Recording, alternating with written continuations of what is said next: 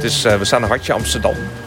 het regent. Het regent en ik heb het gevoel dat het wel aardig symbool staat voor het onderwerp dat we gaan bespreken. Ja, donkere wolken pakken zich samen. boven Den Haag, boven Nederland. nee, maar dat is even terugkomen denk ik, op die eh, allereerste aflevering van dit seizoen. Het bord spaghetti. Het bord spaghetti, dat blijft toch het thema. Dat hadden we ook afgesproken. En uh, in deze aflevering gaan we praten met Sander Schimmelpenninck. En we vragen ons eigenlijk af van wat is nou een oorzaak van al die crisis? Ligt het misschien aan het type leiderschap in Nederland? Ja, dat zou eigenlijk een beetje de crisis achter de crisis kunnen noemen. Ja. Het is heel erg dat het allemaal ellende is dat je niet weet uh, hoe je eruit moet komen. Maar als er dan hele goede mensen zijn die dat voor ons gaan doen... Ja. dan is dat toch op een bepaalde manier geruststellend. Maar ja, en wie, wie zijn die mensen? Precies, wie zijn die mensen? Kunnen we nu zelf, dat is een uh, vraag, dat gaan we nu niet beantwoorden. Maar zijn er nu mensen die je ziet van... Oh ja, die, die zijn echt leidende figuren. Nou, Remkes is misschien een voorbeeld. Hè? Vorige week, we nemen het op een week na de presentatie van Remkes, het rapport. Uh, dat je een bepaalde senioriteit of zo, een beetje boven de partijen staan. Een man die verantwoordelijkheid neemt, die niet terugdeinst voor het doen van toch ook stevige uitspraken. Eigenlijk wel een voorbeeld leiderschap, denk ik. Ja, en te veel personen worden allemaal zijn ofwel oninspirerende leiders... of ze zijn inspirerende leiders, maar zijn binnen no time vermalen in dan wel communicatieprotocollen en slimme dingen. Ze verliezen hun authenticiteit. Of ja, ze, ze, ze, worden vermorzeld door de publieke opinie. Omdat ze een keer ergens een uitglijer maken. Dan is je authenticiteit niet meer leuk. Maar ben je gewoon een, uh, ja, ben je afgeschreven. Ja, interessant is ook wat Herman Shake Willink zegt in zijn boek over, eh, kan er over het crisis aan. Van het, eh, overal is het managementjargon ingeslopen. En dus uh, lijkt wel of we hebben overal een type manager zitten... in plaats van bevlogen, morele leiders en idealistische leiders... die echt met perspectieven komen. Ja, en we spreken Sander Schimmelpennik hier over... naar aanleiding van het boek wat hij in 2019 schreef, Elite gezocht. Dat schreef hij samen met eh, Ruben van Zwieten, de Zuidas-dominee.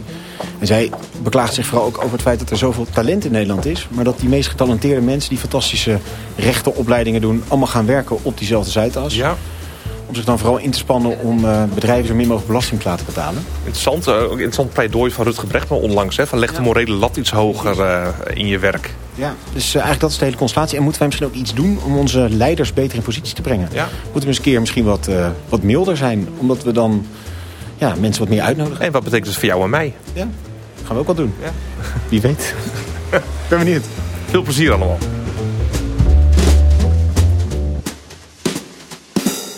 Sander, mooi dat je te gast mogen zijn bij jou... en dat je te gast bent in onze podcast. Ja. Je schreef in 2019 uh, ja, woorden waarvan we misschien moeten zeggen... dat het profetische woorden waren. Je schreef in Elite gezocht dat uh, fakkels en hooivorken... eigenlijk een immer reëel wordende angst zijn. Ja. Toen waren er nog geen boerenprotesten. Toen was er überhaupt nog geen corona in de wereld. Nee. En toen al dacht je, ja, misschien zijn fakkels en hooivorken niet zo ver weg.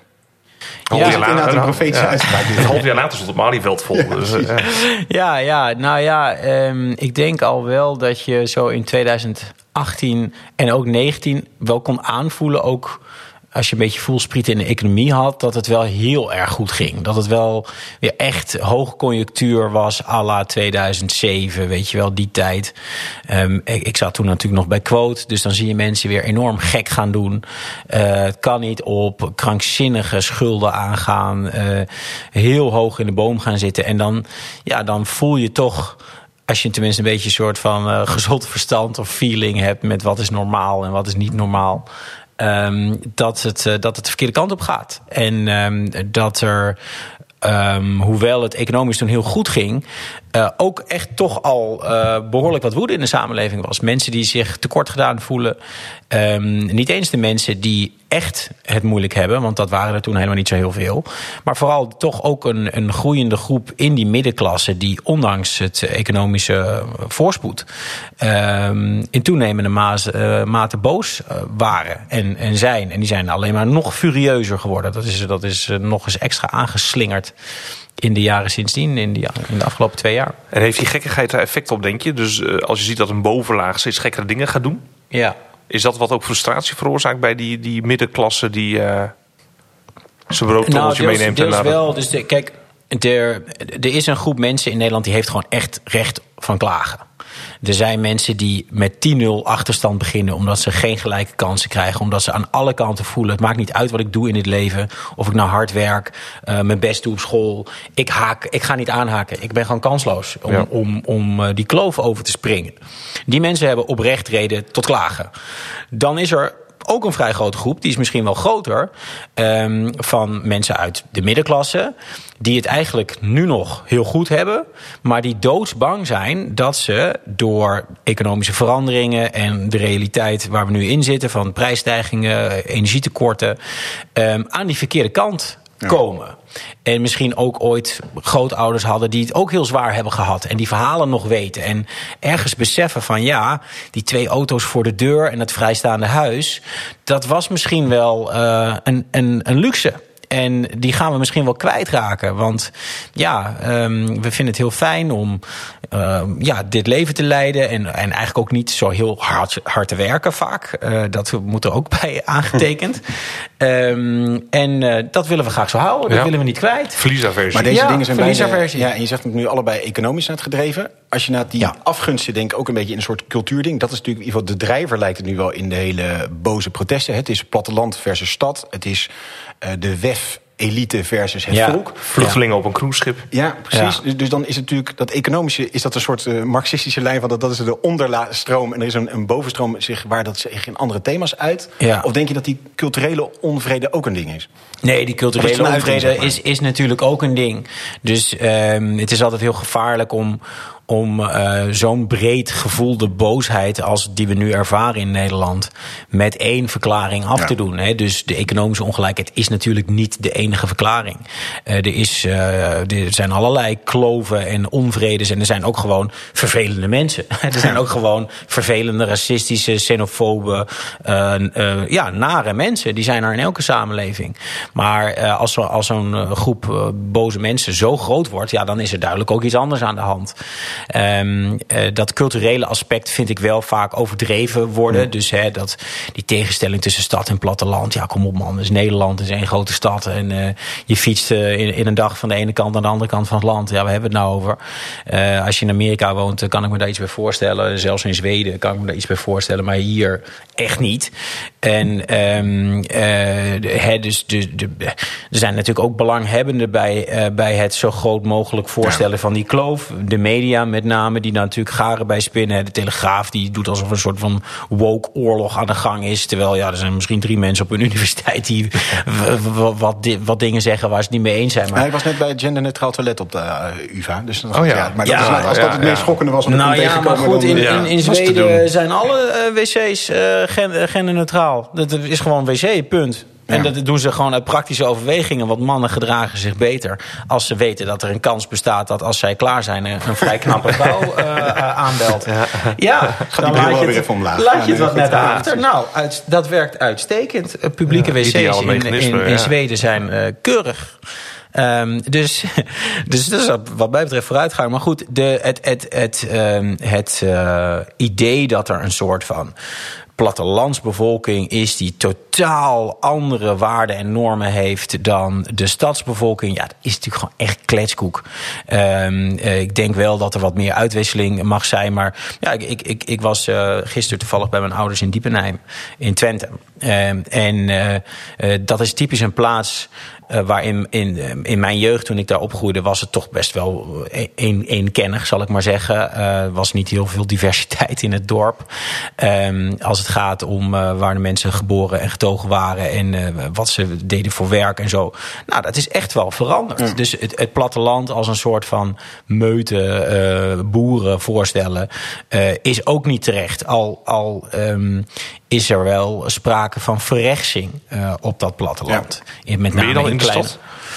Ja, meer, in, meer dan in de stad, ja. Omdat daar, um, ja, omdat daar natuurlijk ook het vrij ja, makkelijk is om in een klein bubbeltje je terug te trekken. Als je wil, ja, zit je tussen alleen maar dezelfde soort mensen. Uh, en alleen in, nou ja, kijk, Diepenheim is dan nog, was altijd al een beetje een ja, kunstplaatsje. En er kwamen mensen uit het westen en zo. Maar Tubbergen of Albergen, waar die protesten waren, ja. ja, dat zijn echt, dat is echt deep down in Twente. Weet je wel, daar, daar, daar is nog steeds uh, weinig uh, diversiteit.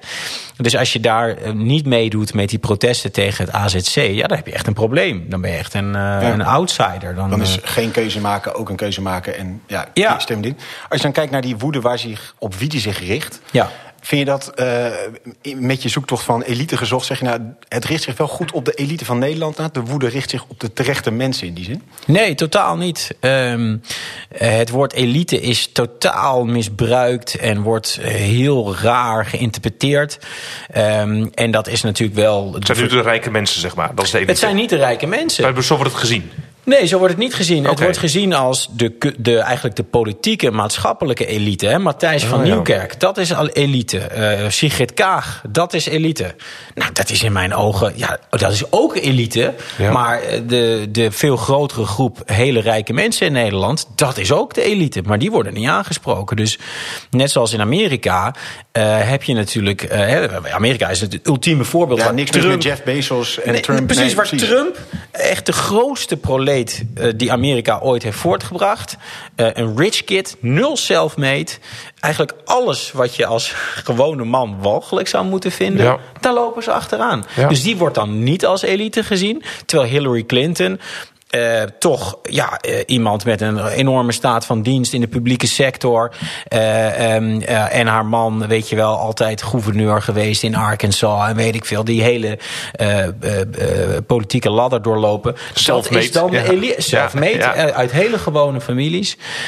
dat wordt dan als de elite gezien. Nou, dat is waanzin. Maar wel weer interessant is dat daar dus die economie niet drijvend is, maar dus die culturele component. Want het is het idee, dit is die grootstedelijke moderne wereld. En daar staan wij niet bij. Ja. ja, maar goed, dan is het dus het enige wat nodig is om als niet elitair gezien te worden, is gewoon de, uh, de populistische massa naar de mond praten. Dan ben je. Maar ja, dat, dat, ja, dat geeft ook aan hoe, hoe onbenullig dat elitebegrip is. Ja. En hoe taxeer je dan de groep die nu Nederland bestuurt? Dus als je weet, het kabinet, eh, het hedendaagse samenstelling van de Tweede Kamer zitten daar uh, krachtige elementen in? Of zijn het eigenlijk allemaal dus een beetje ja, uh, B-echelon uh, elite-types? Je hoeft ze niet persoonlijk allemaal langs te gaan. als je beetje nou, ik, denk, ik denk dat er hele aardige, goede mensen zijn... die, die vanuit oprechte overtuigingen zich inzetten voor het algemeen belang.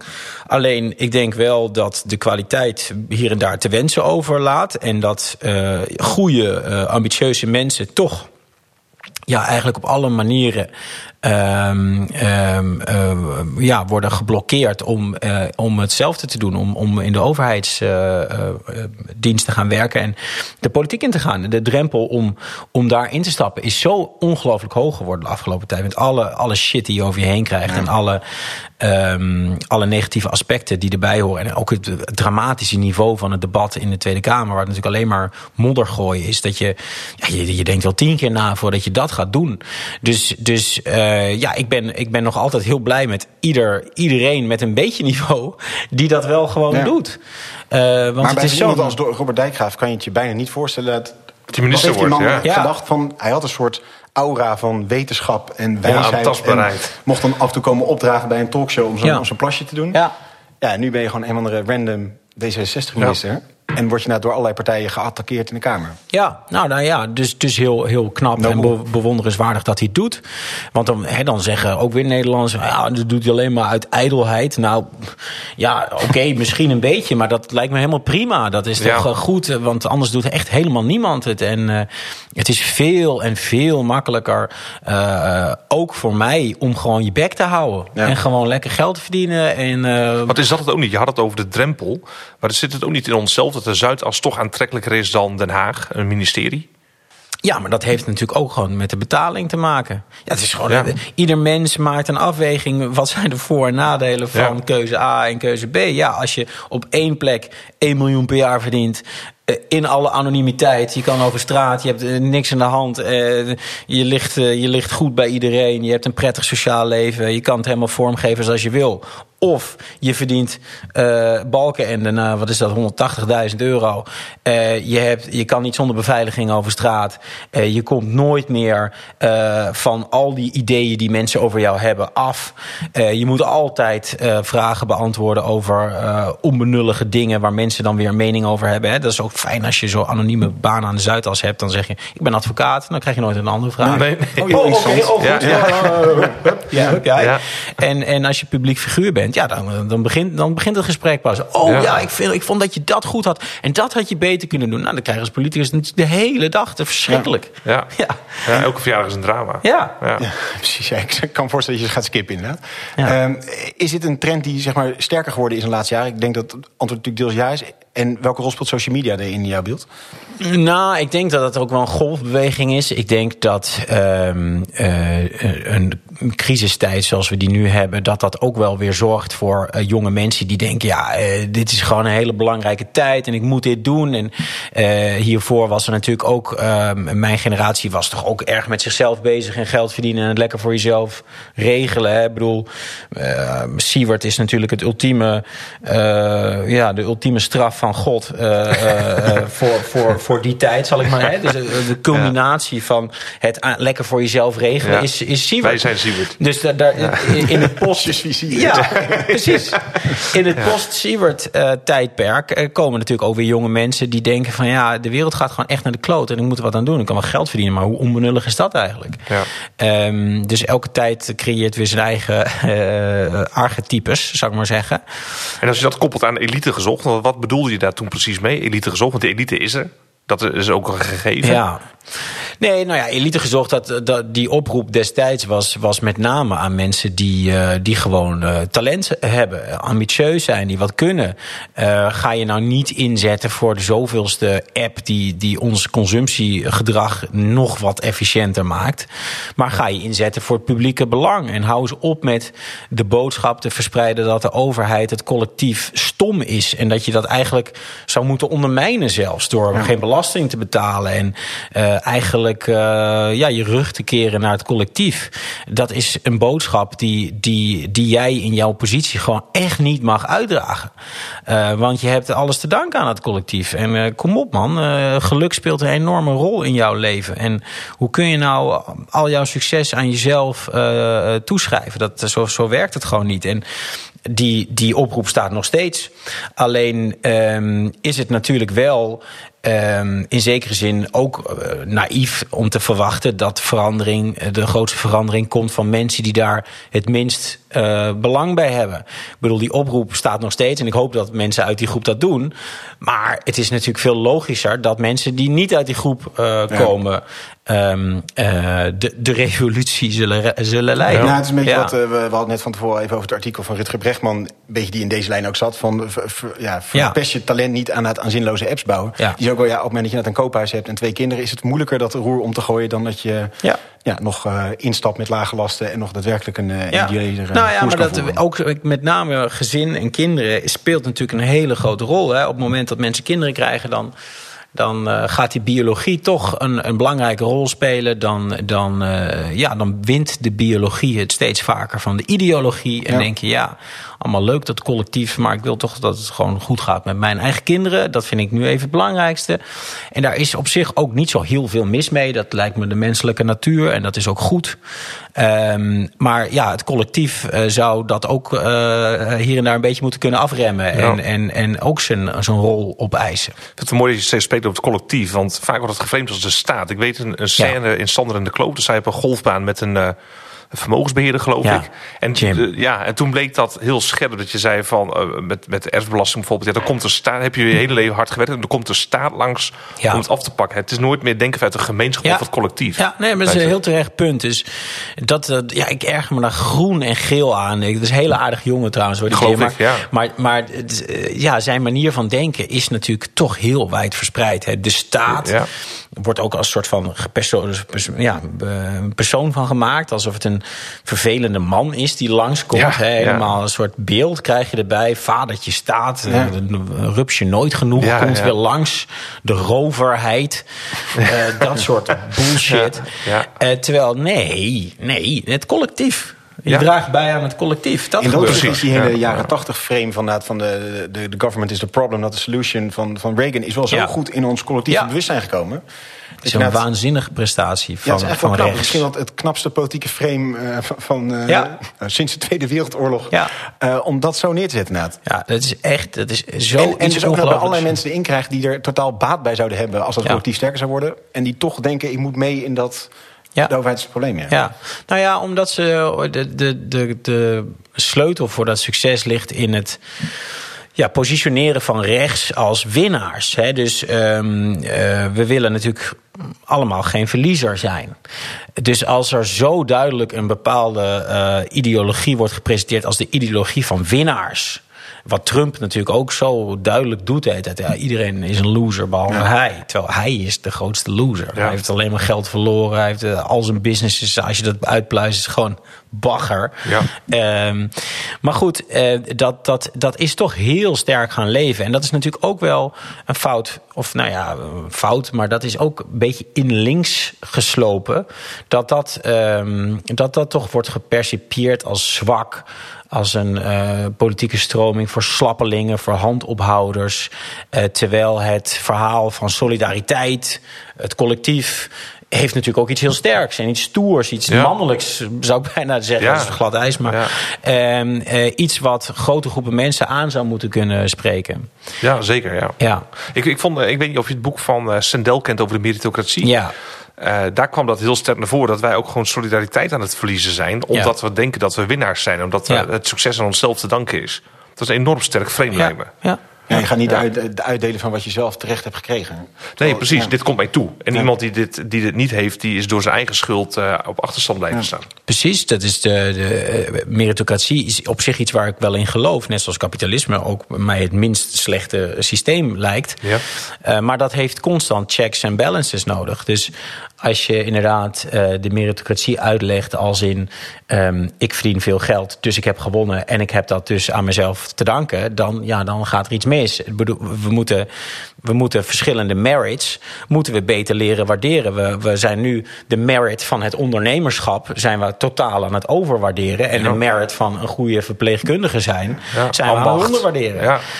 Uh, of uh, le leraren geldt natuurlijk meer dan hetzelfde voor. En dat, um, dat betekent dus wat mij betreft ook niet dat we dat hele systeem van de meritocratie uh, omver moeten werpen. Dat dat niet werkt. Dat dit lijkt me nog steeds de meest logische of meest eerlijke vorm van hiërarchie in een samenleving. Weet je, er is geen samenleving die ooit zonder hiërarchie heeft gefunctioneerd. Nee, dan maar op prestatie en niet op afkomst. Ja, ja. dat lijkt me te prefereren. Uh, hè, daar heb je dan zelf nog invloed op. En uh, ik zou toch niet willen pleiten voor een klassenmaatschappij. Um, maar ja, je moet dat wel, net zoals de, als het kapitalisme, moet je dat in de hand houden. Moeten daar grenzen aan zijn? Moeten we met elkaar bespreken, ja, wat waarderen we hoe? En, en dat er nu iemand in Amerika is die uh, 200 miljard heeft en, en Twitter koopt en, en uh, gewoon ja. met Poetin belt. Ja dat, ja, dat moet niet kunnen. Nee, maar het lijkt wel of zijn we toch een beetje overgeleefd aan dat soort megalomane idioten, zeg maar, die gewoon ja. in hun kop krijgen en die een, een, een onterecht ontzettend veel macht hebben. Ja, en het blijft zoiets merkwaardigs dat ondanks de brede welvaart, de democratie, dat we dus toestaan met z'n allen Hè, dat één zo'n man zulke macht krijgt. Ja. Terwijl we hebben er allemaal niks ja. aan. We, ja. zijn, ja. we zijn met uh, 7 miljard mensen. Wij zijn met meer. Ja, wij zijn, wij zijn met, met meer. Krankzinnig veel meer. ja. En we staan toe dat er toch een paar figuren ook nog hele bedenk. Kijk, als, als Elon Musk nou gewoon een hele moreel uh, prettige man was. Ja, ja. ja. maar dat, is, dat zijn ze dus allemaal niet. Nee, nee ze hebben allemaal een psychopathische kenmerk. Ja, ja. En even een polletje over het einde van de oorlog in de Oekraïne had hij gezegd van, joh, we moeten ze niet te gaan dealen of zo. Ja, ja. Maar we hadden toevallig net, toen we onderweg waren hierover... ik ben het boek aan het lezen over McKinsey. When McKinsey Comes to Town, dat, uh, de, de kaalslag die ze achterlaten. Het consultiekantoor. Ja. Het consultiekantoor, ja. Oh, ja. Dat uh, is een nieuw boek. Uh, je ziet ook als management dat soort partijen inhuren... gaat altijd ten koste van de mensen daaronder. Ja. Dus ze sparen altijd het management. En als ze Want die weggaan, huren in. Die huren in. Die Ja. gaan met een flinke bonus weg. Zo zie Ja. je dat, dat uiteindelijk uh, regent het altijd beneden. Ja. Kijk, en, als, en even terug naar het uh, hoofdlijn, zeg maar, van uh, al deze onderwerpen zijn allemaal tot daaraan toe. Als je dus hele sterke mensen zou hebben die, waarvan je zegt, goh, als die er even een peut op geven, dan gaan we Ja. een andere kant op. Ja. En dat lijkt me het grootste probleem nu, Ja. dat die er niet zijn. Wat, Remke zit met stikstof. ja. precies, dat is interessant, dat daar Ja. iets gebeurt plotseling. Ja. Nee, het merkwaardige is dus dat we uh, ondernemerschap en eigenlijk financieel, uh, financiële handigheid zo enorm waarderen. Terwijl, um, uh, dat merk je dan ook als, als je met succesvolle ondernemers en politici praat. Als je die met elkaar in aanraking ziet komen, wat best weinig gebeurt eigenlijk. Ja, okay, ja. Dan zie je ze ook hopeloos door de mand vallen vaak. En dus laatst was er een fragment van, bij, zag ik bij WNL op zondag geloof ik, zag je die Ali Niknam. Dat is een succesvolle uh, tech-ondernemer, oprichter van de Bunkbank. Die ging in discussie over het Gronings gasveld met, uh, ja, hoe heet die man nou? Uh, nou in ieder geval politicus. Ja, en die had hem in, in drie, drie zinnen zetten die hem helemaal op zijn plek. Die politicus. Van, joh, ja, die politicus. Ja, ja. Van joh, hou lekker je, hou lekker je ga lekker geld verdienen. Wat weet jij die nou van? En, en het, het, het gebrek aan respect voor het, uh, voor de, ja, het ambacht van ja. politiek. De stroperigheid, de, de, de long-term commitment die daarbij hoort. Uh, die je voelt bij ondernemers, ja, die vind ik heel ergelijk. Hè. Ondernemers denken van ja, dit is gewoon, uh, gewoon een deal. Ja, we maken gewoon een deal en we moeten gewoon regelen. En, en zo ziet die Musk dat ook. Die denkt ook van ja, het is gewoon uh, feitelijk een, een vijandige overname. Hè, ja, ja, van Rusland en, en Oekraïne. We moeten gewoon beter onderhandelen over de terms. Uh, we moeten hier een, een, een sale purchase agreement uh, is totaal geen morele afwegingen meer. Terwijl het is gewoon een volk dat, dat wordt binnengevallen en, en vecht voor zijn recht om te bestaan als, als volk. En, en, en, en zijn eigen land aan het verdedigen is. Dat, dat is zo, van zo'n andere orde dan jouw denkraam begrijpt. Maar en, en wie zijn de mensen die hier een, een duw aan kunnen geven? Of die dit een andere kant op zouden kunnen trekken? Want het vraagt iets heel fundamenteels. Dus het vraagt eigenlijk ja. dat narratief wat sinds de jaren tachtig bestaat over de overheid turnen. Ja. En het vraagt gewoon ook allerlei handigheid. Dus het, het moet natuurlijk een soort schaap met de vijf poten zijn. Dus dat is één, wie zijn dat? En twee, ja. hoe voorkomen we dat die niet binnen vijf minuten vertrappeld zijn door ofwel de publieke opinie ofwel de cynische wereld die de politiek nu is? Dit is ja. het antwoord op de vraag. Ja. Daar zijn we, zouden we heel blij mee zijn. Ik zal het ook even weggeven. Dan, kunnen we dit afronden. Dan zijn we klaar. Ja. ja. Precies. Nou, ja, dat, dat vraagt, ik bedoel, als je die profielschets uh, hebt... dan vraagt dat bijna bovenmenselijke kwaliteiten. Uh, en die hebben de meeste mensen niet. Dus dan wordt het wel heel ingewikkeld. Uh, en ik denk dus dat je, dat je mensen die in het uh, publieke belang bezig zijn, dat je die veel beter moet beschermen. En sociale media zijn, wat mij betreft, gewoon onderaan de streep echt schadelijk. Echt fout, verkeerd. Daar hebben we niks aan. Ehm, dus, dus dat Twitter um, toestaat dat je anoniem allerlei mensen de dood inwenst en bedreigt, dat vind ik onbegrijpelijk. Dat daar niks tegen te doen is. Nou, dat is, bedoel, dat kan natuurlijk wel. Als je wil, als je als Nederlandse ja. of Europese overheid zegt, wij vinden dit gewoon een zo'n uh, ja, zo'n schadelijk effect hebben op onze democratieën. We willen er vanaf. Ja. Nou, dan kan dat. Ja, ja. ja, ja. Dat, dat kan gewoon. En wat zou je verliezen als Twitter morgen niet meer bestaat? Ja, volgens mij helemaal niks. Uh, niks. Nee, nee. Ja, mensen krijgen allemaal tijd over. Mensen krijgen ja, tijd over. Nee, maar serieus. Dat is wel eng. De, nee, nou ja, dat lijkt me heel goed. Dan ja. gaan ze misschien wat meer werken. Maar uh, de, de, de, sociale media hebben ons leven echt verziekt. Ja. En ik vind het zo raar dat, dat daar toch... Ja, dat is niet echt een gesprek. Nee, als een sociale media van ja, zo gaat dat. Ja, ja dat is, is gewoon ontwikkeling. Dat is nieuw. Sociale media, ja, dat hoort er nu bij. Waarom hoort dat erbij? Ja. Het is gewoon, uh, het is een drama. Jonge mensen zijn onzeker. Uh, iedereen uh, is er netto ongelukkiger van geworden. Ja. Waarom verbieden we dat niet? Ja. Maar, maar, maar, de vraag stel ik ook wel eens aan mezelf: van waarom, ben je, waarom zijn we nog actief op de social media? Ja. Je kunt ook zeggen: van ik stop er zelf mee. Ja, dat kan, dat klopt. En dat ja. zal ik zeker ook op een gegeven moment doen. Uh, kijk, Twitter is voor mij in mijn huidige rol. Uh, wel interessant. Omdat ja. je daar natuurlijk allerlei onderbuikgeluiden hoort... die je weer kan Eens, meenemen ja. in, je, in je columns bijvoorbeeld. Ik, ik heb ook wel af en toe plezier erin, moet ik eerlijk bekennen. um, om even te stangen. Ja, ja, gewoon de domheid. Dat is heerlijk om af en toe in te roeren. Ja. Je hebt geen SBS6 meer nodig als je twittert. Nee, nee, precies. Je hoeft niet meer naar Guido den Aantrekker te kijken bij Shownieuws. Nee. Um, uh, dat, dat, dat heeft nog wel nut. Maar als ik niet uh, het werk zou doen wat ik nu doe... dan zou ik er absoluut niet op zitten. Hey, en sterk nog, als Musk de boel overneemt... dan, dan zou ik misschien nog wel overwegen om gewoon uh, mijn account... gewoon fuck you. Dan, oh, ja. ja. dan geef ik al die volgers maar op. Interessant. Dat, ja. Lubach heeft het met Facebook gedaan. Dus je zou zo'n beweging kunnen creëren Ik Ja. ben toen van Facebook afgegaan, met, tegelijk met Lubach. Dacht van, nou ja, dan nu maar. Ja? dat was denk ik wel het makkelijker daaraan. Ja. Dat het toen al wel was dat je dacht, zie alleen maar mijn tante voorbij Ja, komen. precies. Dus dit is ook wel het moment. Ja, Facebook was wel was was echt al een down eh. Ja. Maar en, eh, verder, want dit is denk ik een goede net van, van dat social media. Misschien sowieso een keer een aflevering over technologie eh, maken... en hoe we daarmee ons Ja. toe moeten verhouden. Ehm, eh, de andere lijnen, welke, wat is er nog meer nodig? Wat zou er voor nodig zijn om jou de politiek in te krijgen, Sander? Je hebt natuurlijk nu een hele sterke maatschappelijke stem. Stel, je moet daarin. Wat, wat zou je er voor context verder nodig hebben? Een miljoentje per jaar. Eh, nee, Oh, maar dan ga ik het ook doen. Ehm, nee, dat, het zou natuurlijk ook niet. Ik vind dat altijd een hele lastige discussie. Enerzijds denk ik wel van ja, mensen moeten wel beter betaald krijgen. Want dat, dat, ja, dat is nou eenmaal een motivator voor mensen. Aan de andere kant denk je Meer dan een van, ton in de Kamer is ook al prima. Ja, maar goed, kijk, als je ver. Het gaat ook met- weer voor hoe je je vindt leven. Ja, Ja, is- en kijk, zo'n zo'n Hoekstra die verdient natuurlijk een miljoen of zo bij McKinsey. En Oh, ja. ja. ja, als je. Maar goed, eh, die levert ook niet helemaal, maar goed. Ehm, eh, ik, ik, eh, eh, de vraag was: wat is er voor nodig eh, voor, voor iemand zoals jij om de politiek in te gaan? Nou, eh, ik denk dat, dat de, het veiligheidsaspect is gewoon het belangrijkste.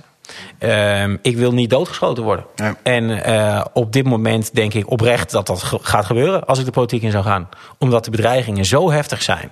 En al zo, eh, er zoveel eh, ja, op je gebeukt wordt. En je zo aan alle kanten voelt dat er ja, mensen bereid zijn om heel ver te gaan. dat je dat gewoon niet wil. En, en je denkt dat het anders is dan, dan een maatschappelijke rol nu? Vanwege, omdat we onze woede nog steeds op de verkeerde mensen richten. Maar je zou ook kunnen Je zeggen... voelt die dreiging nu niet. zeg Ja, maar. dat. Ja. Nee, ik voel de dreiging nu ook. Dus in zekere zin zou ik kunnen zeggen... ga dan maar de politiek in. Ja. In ieder geval nog wat nuttigs Ja. in plaats van die stomme stukjes schrijven. Ehm, eh, maar eh, nee, ja, ik, ik, denk, ik, denk, eh, ik denk als je eenmaal macht hebt... wat je toch nastreeft als politicus... dat, dat het dan echt gewoon gevaarlijk is Ja. en wordt. En, en kijk, Rutte is, is, is natuurlijk helemaal geen polariserende figuur. Dat is een, een, een brave manager. Eh, en en die, die heeft in deze realiteit ook al te maken met bedreiging. Ja. Die moeten, te- moeten nu ook aangeloven. Ja. Waar die jarenlang eh, dat weigerde en gewoon op zijn op ja. zijn fiets eh, zat. Ehm, ja, laat staan dat iemand die toch feller en uitgesprokener is als ik... eh, daar eh, in een regering zou zitten of partijleider zou zijn of whatever.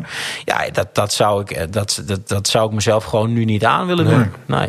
Ene mensen van statuur in het verleden. Want ik zat nog laatst te denken aan Joop den L. Die is toen premier geworden. Die was daarvoor fractievoorzitter. Is nog minister geweest. En is na weer terug fractievoorzitter geworden. Die man heeft een politiek leven gehad... wat nu eigenlijk onvoorstelbaar is. Nou ja, Rutte Ja. noem je toevallig is dan een van de uitzonderingen. Eh, Wilders kennen we die er lang in zitten, van de Staaij. Voor de rest natuurlijk de doorlooptijd allemaal Kort. vijf, Ja. zes jaar. Dan heb je wel, is je brandtijd geweest.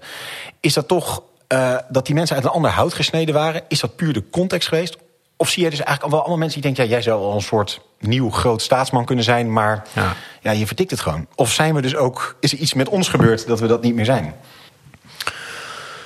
Ja, ehm, ik denk dat het vak toen echt wel gewoon een stuk aantrekkelijker was. Ehm, als je naar de geschiedenis van, van dat soort staatsmannen kijkt, dan ja, nou, waar hadden ze zich vaak opgewerkt vanuit de vakbeweging en zo. Dat was toch een veel logischere carrière.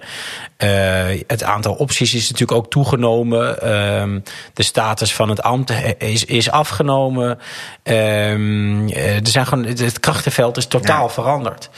Ehm, En overkill denk ik toch ook met, social media. Ook Dat Ja. je die mensen ook vervolgens in, in vijf jaar tijd... dus 80.000 keer ziet. En vervolgens Ja, ben je ook maar er zijn ook andere mensen met invloed bijgekomen. Dus in zekere zin ehm, ben ik daar ook een voorbeeld van. Nou ja, van Rutger Bregman die je net noemt. Kijk, dat is, dat is ook relatief nieuw. Dat mensen die niet deelnemen aan de politiek... Ja. toch ook invloed uitoefenen op eh, ja, wat er wordt besproken.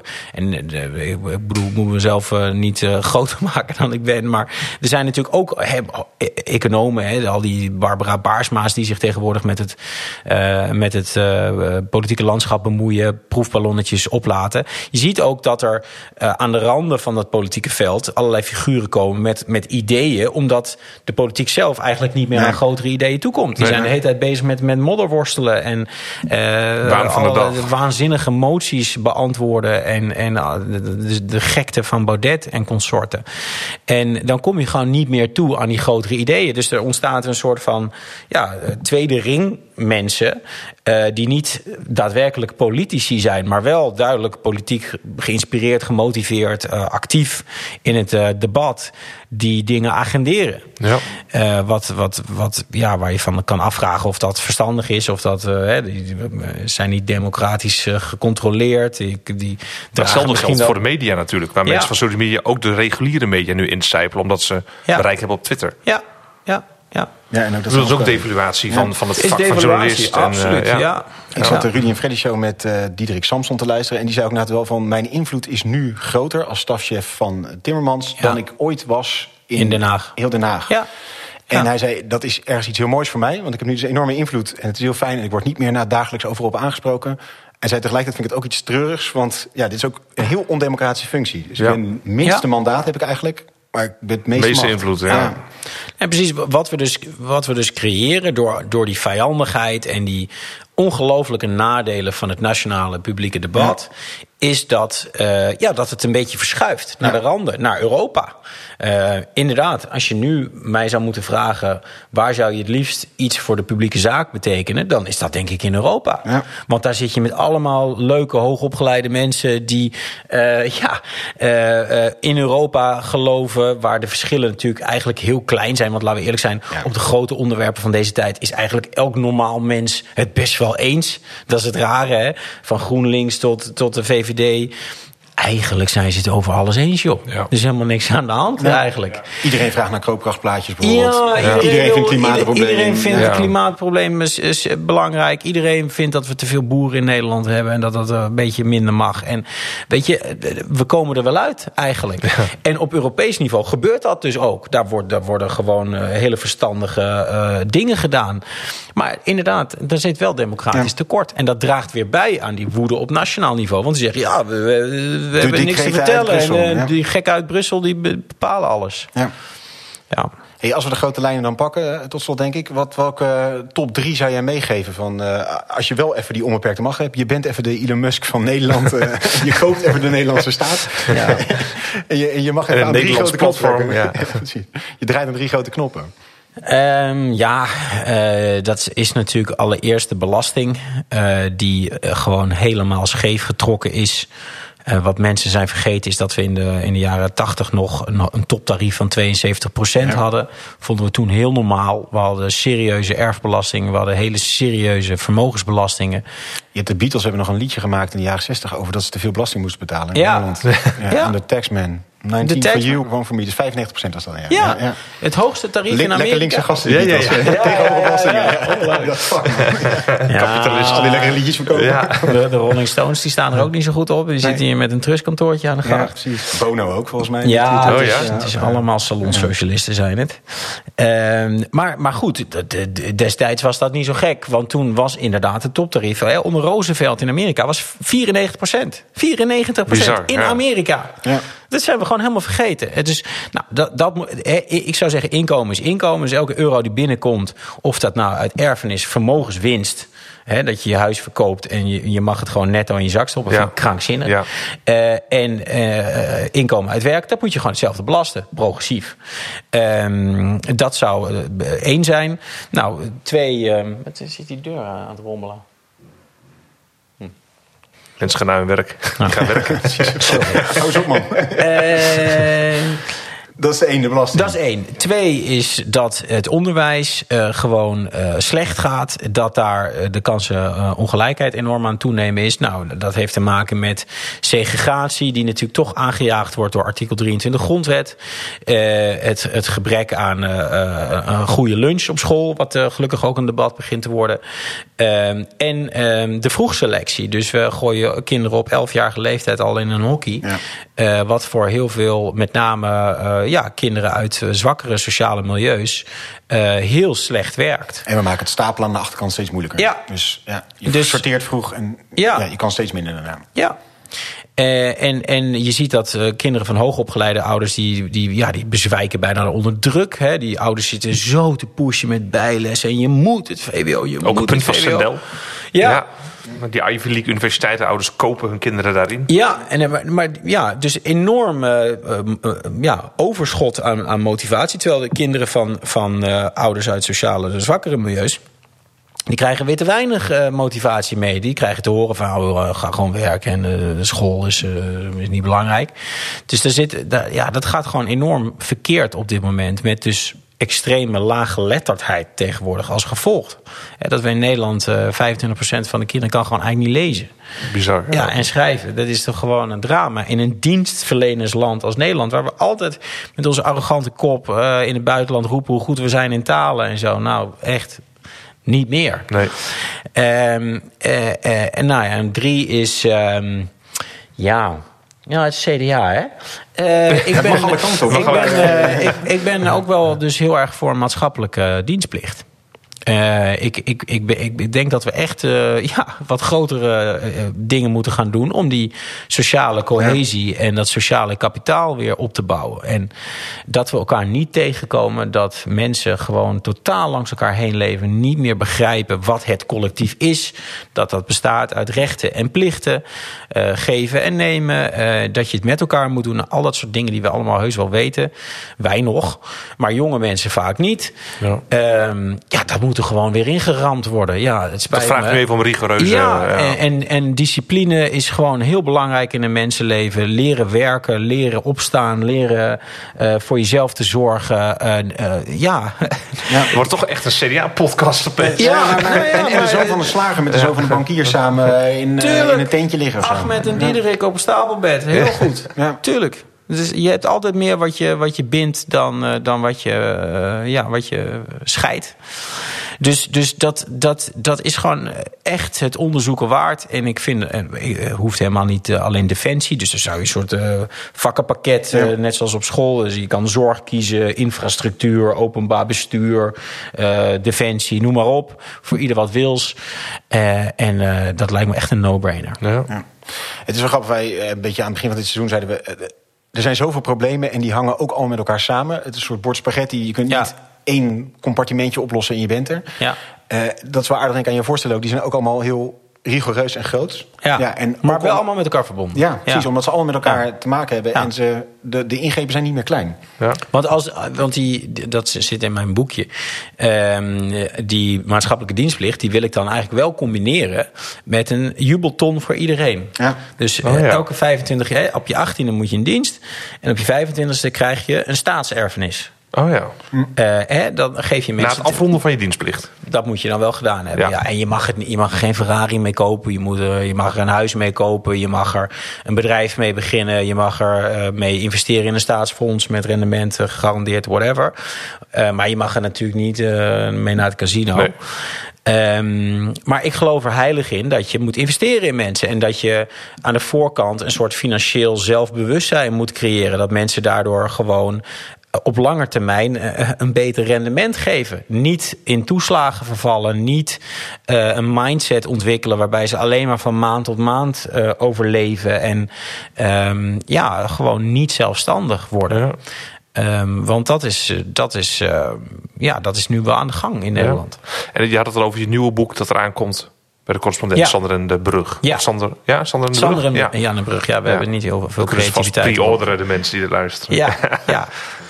Nee, daar staan vijf uh, van dit soort ideeën in. Leuk. Nou, ik denk dat je invloed nu groter is door je stukje schrijven. Want ja, als, Ja. Je, als, als je als Kamerlid had gezeten, dan had je nu op een of ander mini-dossiertje gezeten... en had je daar een beetje op mogen pielen. En nu kun je over alle onderwerpen wat zeggen. Eh, dat is natuurlijk ook wel een worsteling als je aan die zijlijn staat. Dat je uh, weliswaar invloed hebt, maar dat je ook toch uh, jezelf ook een beetje licht vindt, zal ik maar zeggen. Of niet echt uh, skin in the game vindt hebben. Zoals dat dan in het bedrijfsleven wordt Ja. genoemd. Uh, omdat je niet committeert. En, en er zit, de, de, ja, bij... bij Blijft toch best stuurlijst aan de wal. ja, bij, bij politieke invloed en bij echte macht vind ik ook horen dat je ook ja, veldwerk hebt gedaan. Het, Ja. Je moet ook de dirty work doen. En je moet ook leiden en, en eh, twee jaar werken aan een dossier en niks voor elkaar krijgen. En weet je, dat hoort ook Ploeteren. bij het leven. Ja, ploeteren. Ja. Dus, dus, dus dat, dat hoge instroomniveau wat je hebt tegenwoordig als je in die publieke eh, eh, ja, arena acteert, vind ik ook ergens iets lichts en iets te onbevredigends hebben. Wil je hoog instroomniveau? Dat Nou, je al gelijk kijk, heel snel heel veel mag Precies, dus als ik, nou, goed, als ik nu de politiek in zou gaan... dan nou, zou ik waarschijnlijk wel een goede plek eh, komen... en, en v- vrij snel veel aandacht krijgen. Eh, zoals Baudet natuurlijk ook vanuit het niets. eh, en of die boeren, eh, mevrouw eh, ook, eh, die, die worden gelanceerd. Ja. Terwijl je denkt, van, nou, dat was veel beter geweest... als die eerst eh, een paar jaar in de, in de marge hadden In de gemeenteraad van. Tubberg had gezeten. Ja. Maar dan zie je ook het belang van partijen. Want zo Caroline van der Plas was lid van het CDA. Dus Ja. ziet dus zo'n partij heeft ook een filter. Dat niet iedereen boven komt drijven. Dat is ook het Ja. gezonde. Hetzelfde Ja. als wat je met de media zegt. Van er zit een Ja. soort redactiefilter waar je doorheen moet groeien. Ja, dat filter is heel belangrijk Ja. en dat is helemaal zoek. Ja. Ja. En ik zou dus voor mezelf ook vinden dat ik dat filter door moet. Ik moet, eh, Eerst moet je een paar brandende hoepels door. Ja. Gemeenteraad. Ja, maar ja, daar heb ik geen zin in. Nee, dat is het herkenbaar. probleem. Nee. Ja. Heb je het al? Heb je het al? Ja, Ja, klopt, ja. Nee, maar het is echt... Dus ik zit een soort klem tussen eh, ja, Droom en daad. tussen mijn idealen en de praktijk. Ja, Ja. In ieder geval is de onvrede dan misschien nog heilzaam. ja, ja. Wakker die ja, die wakker die aan. Ja. ja. Ja. ja. Top, dank. Ik vond het een ontspannen gesprek met Sander Schimmelpenninck. Maar ook best een moeilijk gesprek. Want wat beweert hij nu eigenlijk? Hij ontkent de kloof in onze samenleving tussen stad en platteland. Dit is Amerika niet. Ons land doorkruis je in een paar uur. De verschillen hier zijn echt miniem.